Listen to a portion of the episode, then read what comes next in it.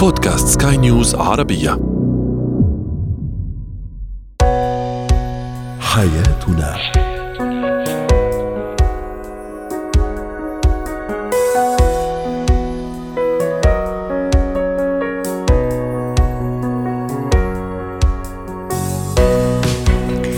مستمعينا الكرام أهلا بكم. معنا إلى حياتنا فضاؤكم اليومي الذي يعنى بشؤون الأسرة وباقي الشؤون الحياتيه الأخرى والذي يمكنكم الاستماع إليه عبر منصة سكاي نيوز عربيه dot com slash podcast وباقي منصات سكاي نيوز العربية الأخرى. شاركونا عبر رقم الواتساب 00971 561 6223 معي أنا آمال شاب اليوم نتحدث عن زمرة من الأصدقاء ومجموعة من الأصدقاء الذين يدمرون الحياة الأسرية والزوجيه ويجب إبعادهم فورا. ما هي أهم الأمراض التي تصيب عيون الرضع والأطفال؟ وأخيرا إتيكيت المشروبات والعصائر. هو وهي. كما للصداقات آثار طيبة لها أيضا آثار سلبية بل ومدمرة. اليوم نتحدث عن بعض الأصدقاء المدمرين لحياتنا الأسرية وعلاقتنا مع الشريك. للحديث عن هذا الموضوع رحبوا معي بدكتورة كريم إيليا المستشارة النفسية والأسرية. يسعد أوقاتك يا دكتورة كريم. أهلا وسهلا فيك. حقيقة نكون محاطين وهذا شيء طبيعي بأشخاص أصدقاء أقارب أهل في, في حياتنا بشكل عام وحياتنا أيضا الأسرية وحياتنا الزوجية. لكن من دون ما ندري أنه بعض الأشخاص وبعض الأصدقاء تحديدا وهذا موضوعنا يدمرون حياتنا الأسرية وحياتنا الزوجية وخصوصيتنا أيضا. من هم هؤلاء الذين يجب إبعادهم فورا وقبل كل شيء ننتبه لهم أيضا. صحيح لأنه الإنسان لنموه الطبيعي بحاجة لنمو اجتماعي، نمو ثقافي، نمو بيئي وكله، فمن ضمن النمو الاجتماعي وجود الأصدقاء ضروري ومهم حولنا، ولكن انتقائهم كمان كثير مهم، ونوعية الأصدقاء يلي كثير ضروري نكون عم نبعدها عنا هن الأشخاص يلي ما بنستفيد منهم، وهون ما عم بحكي عن مصلحة، أنا بستفيد منهم بمصلحة، الأشخاص يلي ما بنستفيد نستفيد منهم يعني ما بيزيدوا شيء اضافي إيجابي صحي على حياتنا. يعني صداقتهم لا بتزيدني ثقافة لا بتزيدني فرح آه ما بتخليني يكون فرحان ومبسوط بس يكونوا موجودين وغيرها. بالإضافة للأشخاص يلي آه حسودين الأشخاص يلي بيكونوا أصدقائنا وبيكونوا بقلب بيتنا ولكن عينهم على كل شيء نحن بنعمله. إذا نجحنا إذا اشترينا شيء جديد إذا أخذنا قرار بفاكيشن إذا إذا ربحنا شغلة آه إذا جبنا شيء جديد على البيت. هودا الأشخاص ما بينبسطوا ما بيفرحوا لنا. هودي الطاقة السلبية تبعهم غير صحية. الأصدقاء يلي بيفتنوا بين الأزواج أه. هيدي كمان فئة من الناس لاستبعادها بأي طريقة. وأهم عم تحكي نقطة في غاية الأهمية دكتورة كريم سامحيني كمان افتح في قوس. هو هو يفتن أو هي تفتن لكن أكيد ما عم تعطيك هالصورة أو هذه الحقيقة ممكن بداعي المساعدة بداعي التدخل أحيانا. وهذا كمان خطأ كبير إني أنا أعرض مشكلتي أو أحكي عن مشكلتي الخاصة جدا في بيتي في أسرتي مع شريك.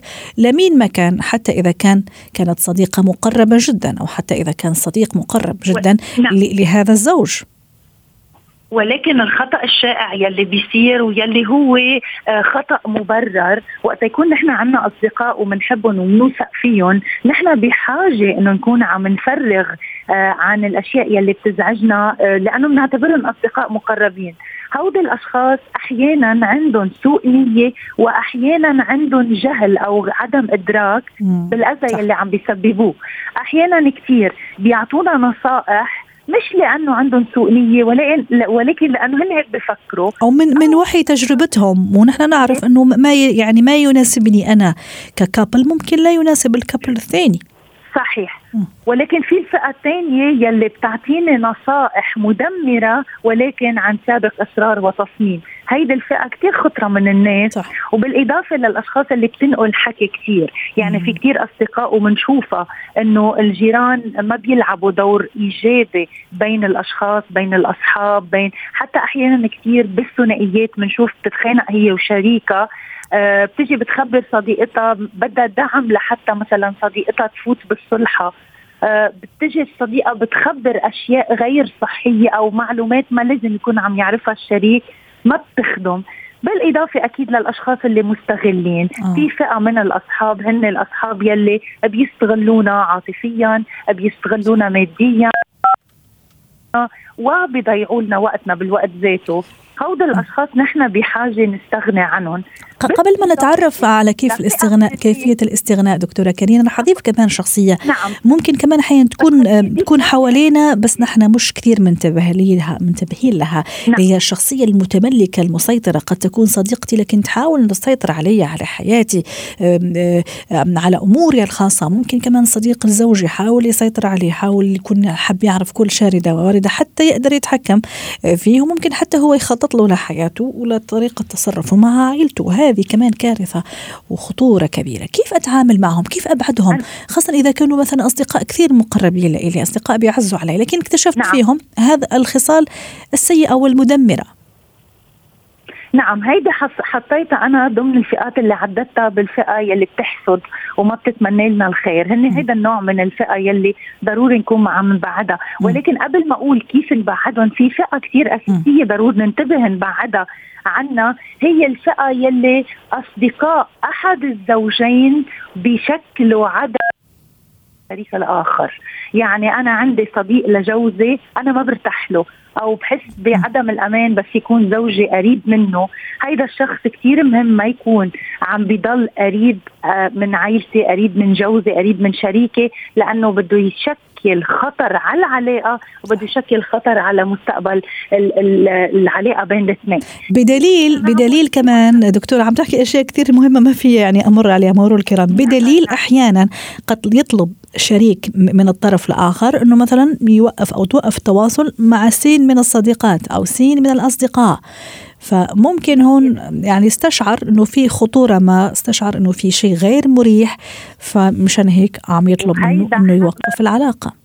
هيدا حق مش نعم هيدا حق مشروع للشخص اللي عم يطلب استبعاد بعض الأشخاص عن حياة شريكه ولكن الطريقة بتختلف. مم. يعني إذا أنا عم بطلب من شريكي هيدا الشخص ما بدي إياه بحياتنا شيله من حياتك. ما في منطق بهيدا الشيء. ولكن وقت أقول له لشريكي إنه هيدا الشخص بشكل خطر هيدا الشريك هيدا الشخص أنا بشوف إنه عم بيدلك على الخراب عم يبعدك عن العيلة ما بيتمنى لك الخير وغيرها أنا عم برر ليش آه عندي رغبة إنه شريكي يكون عم يبتعد عن بعض الأشخاص.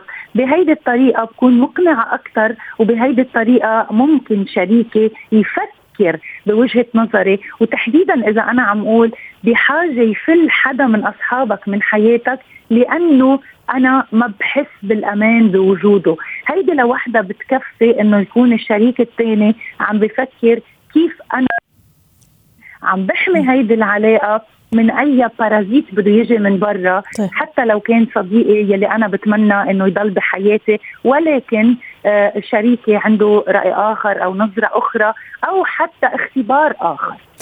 طيب دكتورة كيف أبعد هالأشخاص عن حياتنا باختصار شديد؟ في طريقتين. الطريقة شخصيا بدي أعمل فيها المبادرة وأختصر العلاقة معهم تحديدا إذا مش حاصل منهم موقف آه، آه، صادم أو صريح. موقف محرج م. أنا بقدر بعدهم عني بشكل آه، عفوي تلقائي بسيط بصير انشغل أكثر عنهم ما بعود إيه، افضى أعمل اللقاءات والزيارات اللي كنت أتعود أعملها تدريجيا هن رح يلاحظوا إنه أنا عم بعدهم أو إذا ضلهم يجوا لعندي يمكن بضلني أول فترة فاتحة بيتي ولكن بختصر الحديث معهم ما بعد بفتح مواضيع شخصية. إذا سألوني بقول لهم كل شيء عم يمشي تمام بلش ما أعطيهم معلومات ببلش امنعهم يكتشفوا أو يعرفوا شو في داخل بيتي رائع. هيدي الشق يلي أنا مسؤول عنه والشق الثاني هو يلي شريكي كمان بده يعمل فيه مبادرة وما يشجع على وجود هالأشخاص. لأنه كمان بنشوفها بين الثنائيات أوقات كثير أحد الأشخاص بجرب يبعد الناس وبيوم من الأيام بنلاقي الشريك عم هيدي بترجع بتعمل مشكل والله يبعد علينا كل الأشخاص والشخصيات السامة المؤذية السلبية اللي حضرتك ذكرتيها وكمان هذه مسؤولية أول مسؤوليتنا. اولا إذا أنا ما عرفت أحمي نفسي وأسرتي وبيتي فأكيد ما راح ألوم الآخرين. شكرا لك دكتورة كرينا اللي أسعدتينا ابدعتي اليوم ضيفتنا العزيزة من بيروت. زينة الحياة. اليوم نتحدث عن أبرز وأهم مشاكل أو أمراض العيون أو المشاكل اللي تصيب عيون الرضع آه، في الأشهر الأولى وممكن حتى الأطفال في السنوات الأولى. رحبوا معي بدكتور سامح عبد العظيم اختصاصي طب الأطفال وحديثي الولادة. يسعد أوقاتك يا دكتور دكتور سامح. أهلا وسهلا فيك معنا اليوم من زمان ما سمعنا صوتك. ما في أحلى من الأم تشوف عيون ابنها أو رضيعها الجميل وحتى الأب كمان يعني لحظات جميلة لحظات ساحرة. فيها كثير من المعاني. لكن أحيانا في قلق ينتابني. ألاحظ بعض الأشياء على ابني. خلينا نقول حول مثلا حركة عيون مش طبيعية خاصة في الأشهر الأولى الأيام الأولى. هل هذا لازم يعني أقلق مشانه ولا الأمور عادية؟ هذا طبعا كمدخل حتى نحكي على أهم الأمراض وممكن المشاكل اللي تصيب عيون الرضع والأطفال. أهلا وسهلا بك أمال وأهلا بالساده المستمعين. من زمان ما سمعنا صوتك الحقيقة. إن شاء الله تكون بخير وامورك تمام. الحقيقة الموضوع مهم العين من الأعضاء الهامة والحساسة صح. والرقيقة في جسمنا والعناية بها لها وضع خاص طبعا. أه الحقيقة طبعا أه إحنا امراض العيون هي كتير ومنتشرة والأمهات دايما بتيجي ليها شكوى مع عين الطفل بالذات الرضيع صح. اولا إحنا لازم نعرف الأم هي عين الرضيع عبارة عن إيه؟ عبارة عن الجفن وداخله الملتحمة اللي هي الجزء الأبيض والقرنية الجزء اللي هي بتشوفه دي الأجزاء الخارجية اللي الأم بتشوفها وقد تظهر فيها المشاكل اولا الطفل الرضيع إمتى نفحص طفلنا؟ لازم الأمهات كلها تكون عارفة إن الطفل بيتم فحصه عند الولادة مباشرة بيتم فحص العين داخل المستشفى وبعد كده لازم فحص دوري للعين عند الشهر السادس وعند عمر السنة ونص وعمر الثلاث سنوات وعمر الخمس سنين ما قبل دخول المدرسة. إذا الشهر السادس عمر السنة عمر ثلاث سنوات ثم قبيل دخول المدرسة. وقبل دخول المدرسة. يعني أربع فحوصات من يوم ولادته إذا إذا إذا إذا شلنا الفحص اللي صار في المستشفى. يعني خمس فحوصات حسب ما فهمت من حضرتك. بالضبط بالضبط. دي فحوصات روتينية للاطمئنان على عين الطفل. رائع. طيب نبتدي في المشاكل اللي الأم قد تلاحظها. اولا هي الشكوى الرئيسية في بداية العمر الرضيع. الأم بتيجي بتقول الإفرازات والشديدة أو هي بتسميه العماص أو اللون الأصفر اللي متجمع على عين الطفل. اولا إحنا لازم نطمن الأم بداية إن عين الرضيع بتفرز بشكل طبيعي مواد لزجة تثبت الدموع. المواد دي إذا كانت بالقدر البسيط فهي غير آه، ضارة على الإطلاق يتم تنظيفها بشكل بسيط من على عين الطفل ولكن إذا زادت الإفرازات دي وتكونت بشكل كبير أحيانا بيكون نتيجة لانسداد المجرى الدمعي للعين وده بيزود الإفرازات دي. وخطورتها إن هو قد يتكون عليها إصابات بكتيرية. علشان كده إذا الأم لاحظت إن في إفرازات لزجة كتيره على عين الرضيع متكررة وبشكل كبير لازم زيارة الطبيب مباشرة علشان يبدأ يعمل لها إرشادات طبية إزاي تفك الانسداد ده أو إزاي تتعامل مع عين تطلع. طيب. طيب. طيب دكتور سامح أنا شخصيا كانت عندي تجربة مع إحدى القريبات عن هالموضوع. كانت عندي ملاحظة على على عيون رضيعها فإذا أيوة. هي بتقول إنه لا عادي كل ال كل الرضع هيك في البداية. وكان مشكلة مع الحول يعني شفت إنه العيون ما كانت آه. ما كانت بالشكل العادي. فطبعا هي عندها أولاد قبل قبل هالبيبي فبالنسبة لها لا الأمر عادي بس العين لسه ما ما استقرت بين قوسين. هل هذا صحيح؟ ومتى أبتدي أخاف إذا فعلا هو حول؟ طيب هو الحقيقة طبعا انت أنت خدتينا أمال إحنا كنا هنقسم أمراض العيون لالتهابات وأمراض في الإبصار والمشكلة.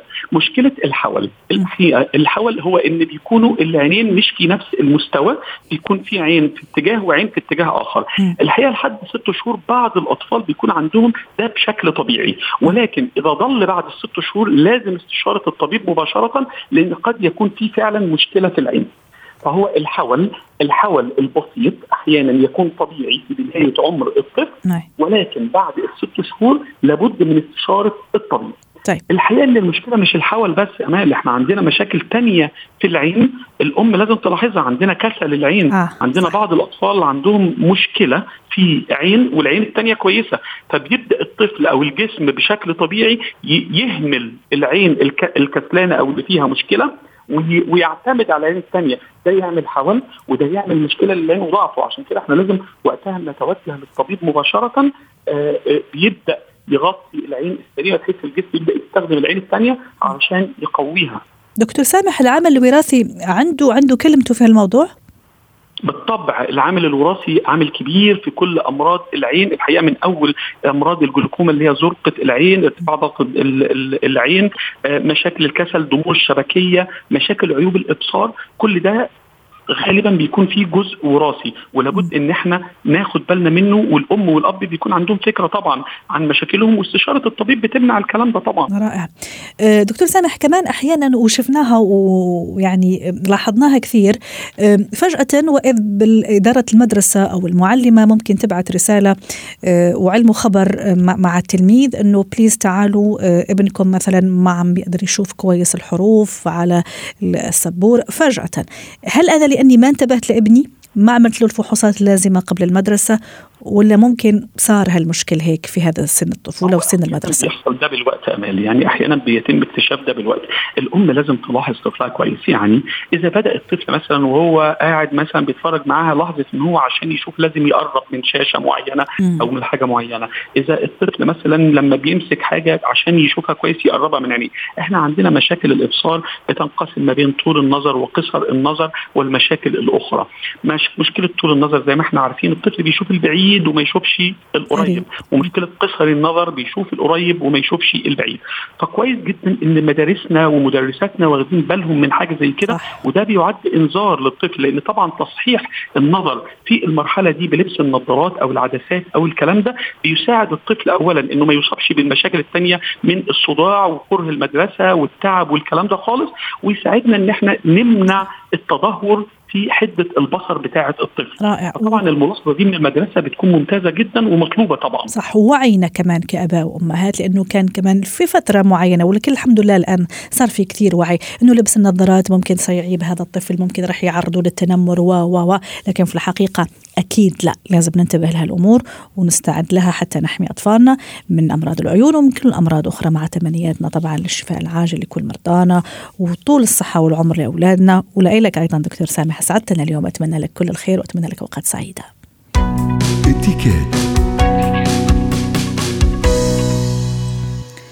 اليوم في اتيكيت نتحدث عن اتيكيت المشروبات العصائر وأكيد تختلف بين باردة ودافئة وساخنة.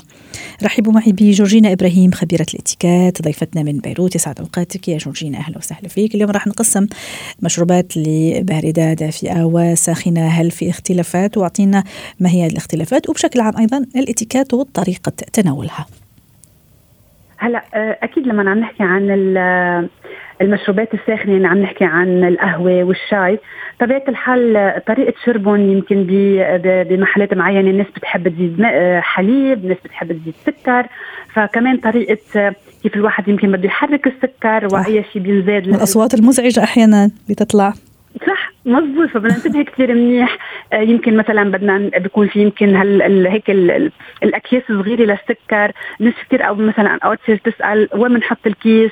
آه، يعني ما بدنا نكون لنقول فنجان القهوة أو فنجان الشاي آه، والصحن يلي معنا.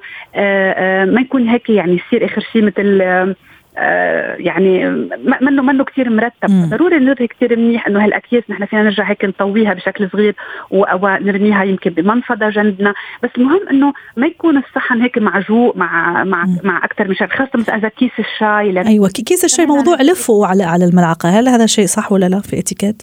هلا هو هلا هو لا مش كثير لأنه انت مش كثير ناس عندها القدرة إنه ما ما يعني أنت بدك تكوني عم تتصرفي بشكل ما ما يوسخ الصحن أو إلى آخره مش حلوة يعني هي فيها تضل بقلب بقلب الفنجان وفينا نقيمها ونرميها آه، على صحن آه، خارجي لبرا يعني طيب. حتى ما يكون في هالسائل اللي هو الشاي إنه آه، لأن إحنا بنرجع نحمل الفنجان. ونشرب ونرجع نحط الفنجان فبتعرفي هي تفاصيل كثير صغيرة يمكن هلا الناس تصير تقول إنه أوف بنحكي بهالتفاصيل بس ما هي مش حلوة خاصة إنه نحن قاعدين مع أصحاب يمكن بغدا بعشاء بتعرفي كثير أوقات بتضيف شاي وقهوة بعد بعد العشاء. فحلو كثير إنه الواحد ينتبه لهيدي الأشياء اللي هي يمكن تحرجه بال بالمكان يلي هو بيكون فيه. صحيح.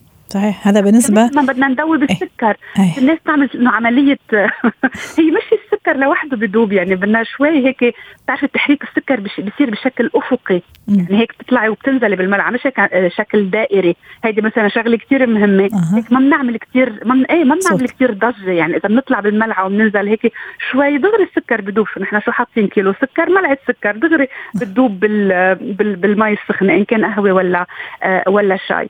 وشغلة كثير مهمة. آه، معلش عم بحكي يمكن بسرعة بس لأنه في كثير أفكار مهمة بهذا الموضوع. إيه. اوقات بتزعج يعني بين إنه نكون مثلا عم نحن قاعدين مع أشخاص بيشربوا القهوة والشاي مع أصوات يعني okay يمكن طيبه القهوة والشاي بس من مع سيمفونيات مو أص... مو أصوات إيه برافو عليك هي الكلمة.